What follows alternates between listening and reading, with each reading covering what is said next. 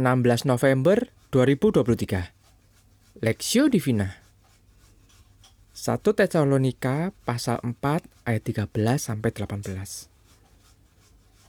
Selanjutnya kami tidak mau saudara-saudara bahwa kamu tidak mengetahui tentang mereka yang meninggal.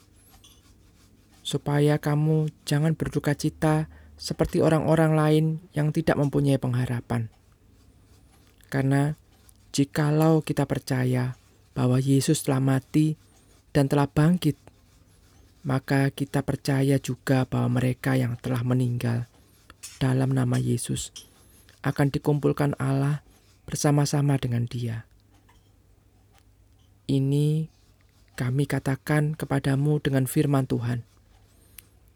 Kita yang hidup, yang masih tinggal sampai kedatangan Tuhan, sekali-kali tidak akan mendahului mereka yang telah meninggal. Sebab pada waktu tanda diberi, yaitu pada waktu penghulu malaikat berseru dan cakakala Allah berbunyi, maka Tuhan sendiri akan turun dari sorga dan mereka yang mati di dalam Kristus akan ting akan lebih dahulu bangkit. Sesudah itu, kita yang hidup, yang masih tinggal, akan diangkat bersama-sama dengan mereka dalam awan menyongsong Tuhan di angkasa. Demikianlah kita akan selama-lamanya bersama-sama dengan Tuhan. Karena itu, hiburkanlah seorang akan yang lain dengan perkataan-perkataan ini. Penghiburan bagi yang berduka, perspektif. Selanjutnya, kami tidak mau saudara-saudara bahwa kamu tidak mengetahui tentang mereka yang meninggal, supaya kamu jangan berduka cita seperti orang-orang yang orang-orang lain yang tidak mempunyai pengharapan. 1 Tesalonika pasal 4 ayat 13. Kepergian orang yang kita kasihi menimbulkan duka cita mendalam, khususnya yang set, yang setiap hari hidup berdampingan. Karena itu, kita perlu memahami kebenaran tentang mereka yang telah meninggal di dalam Tuhan. Pemahaman ini dapat menghasilkan respons yang baik kepada jemaat Tesalonika. Paulus menjelaskan tentang orang yang meninggal di dalam Kristus sebab ada indikasi kebutuhan tersebut. Jemaat merasa kehilangan orang-orang yang mereka kasihi, Perasaan kehilangan ini menimbulkan kesedihan dan kebingungan luar biasa. Bagian firman ini memberi jawaban teologis utuh mengenai pengharapan eskatologis dalam menjawab orang yang meninggal di dalam Kristus.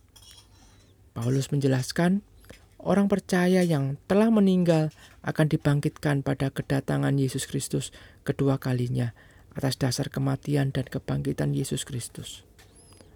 Sebab itu Paulus berkata, selanjutnya kami tidak mau, saudara-saudara, bahwa kamu tidak mengetahui tentang mereka yang meninggal, supaya kamu jangan berduka cita seperti orang-orang lain yang tidak mempunyai pengharapan. Karena jikalau kita percaya bahwa Yesus telah mati dan telah bangkit, maka kita percaya juga bahwa mereka telah yang telah meninggal dalam Yesus akan dikumpulkan Allah bersama-sama dengan Dia. Maka Tuhan sendiri akan turun dari surga, dan mereka yang mati dalam Kristus akan lebih dahulu bangkit. Sesudah itu, kita yang hidup, yang masih tinggal, akan diangkat bersama-sama dengan mereka dalam awan menyongsong Tuhan di angkasa. Demikianlah kita akan selama-lamanya bersama-sama dengan Tuhan di surga. 1, Tesalonika pasal 4 ayat 13 sampai 17. Bagian ini mengingatkan setiap umat Allah agar memiliki pengharapan yang kokoh di dalam Kristus. Pengharapan inilah yang menguatkan umat Tuhan dalam menghidupi, dalam menghadapi setiap pergumulan kehidupan, penderitaan, penganiayaan, tentang tantangan, bahkan kematian.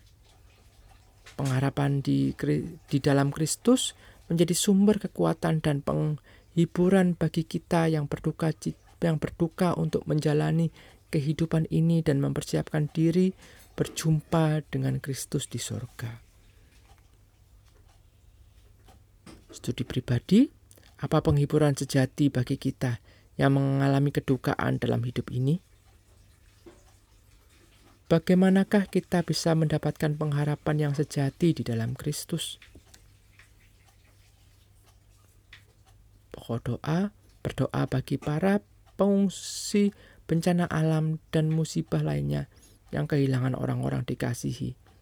Berdoalah agar negara-negara dapat berperan serta ikut membantu menyelesaikan musibah alam ini.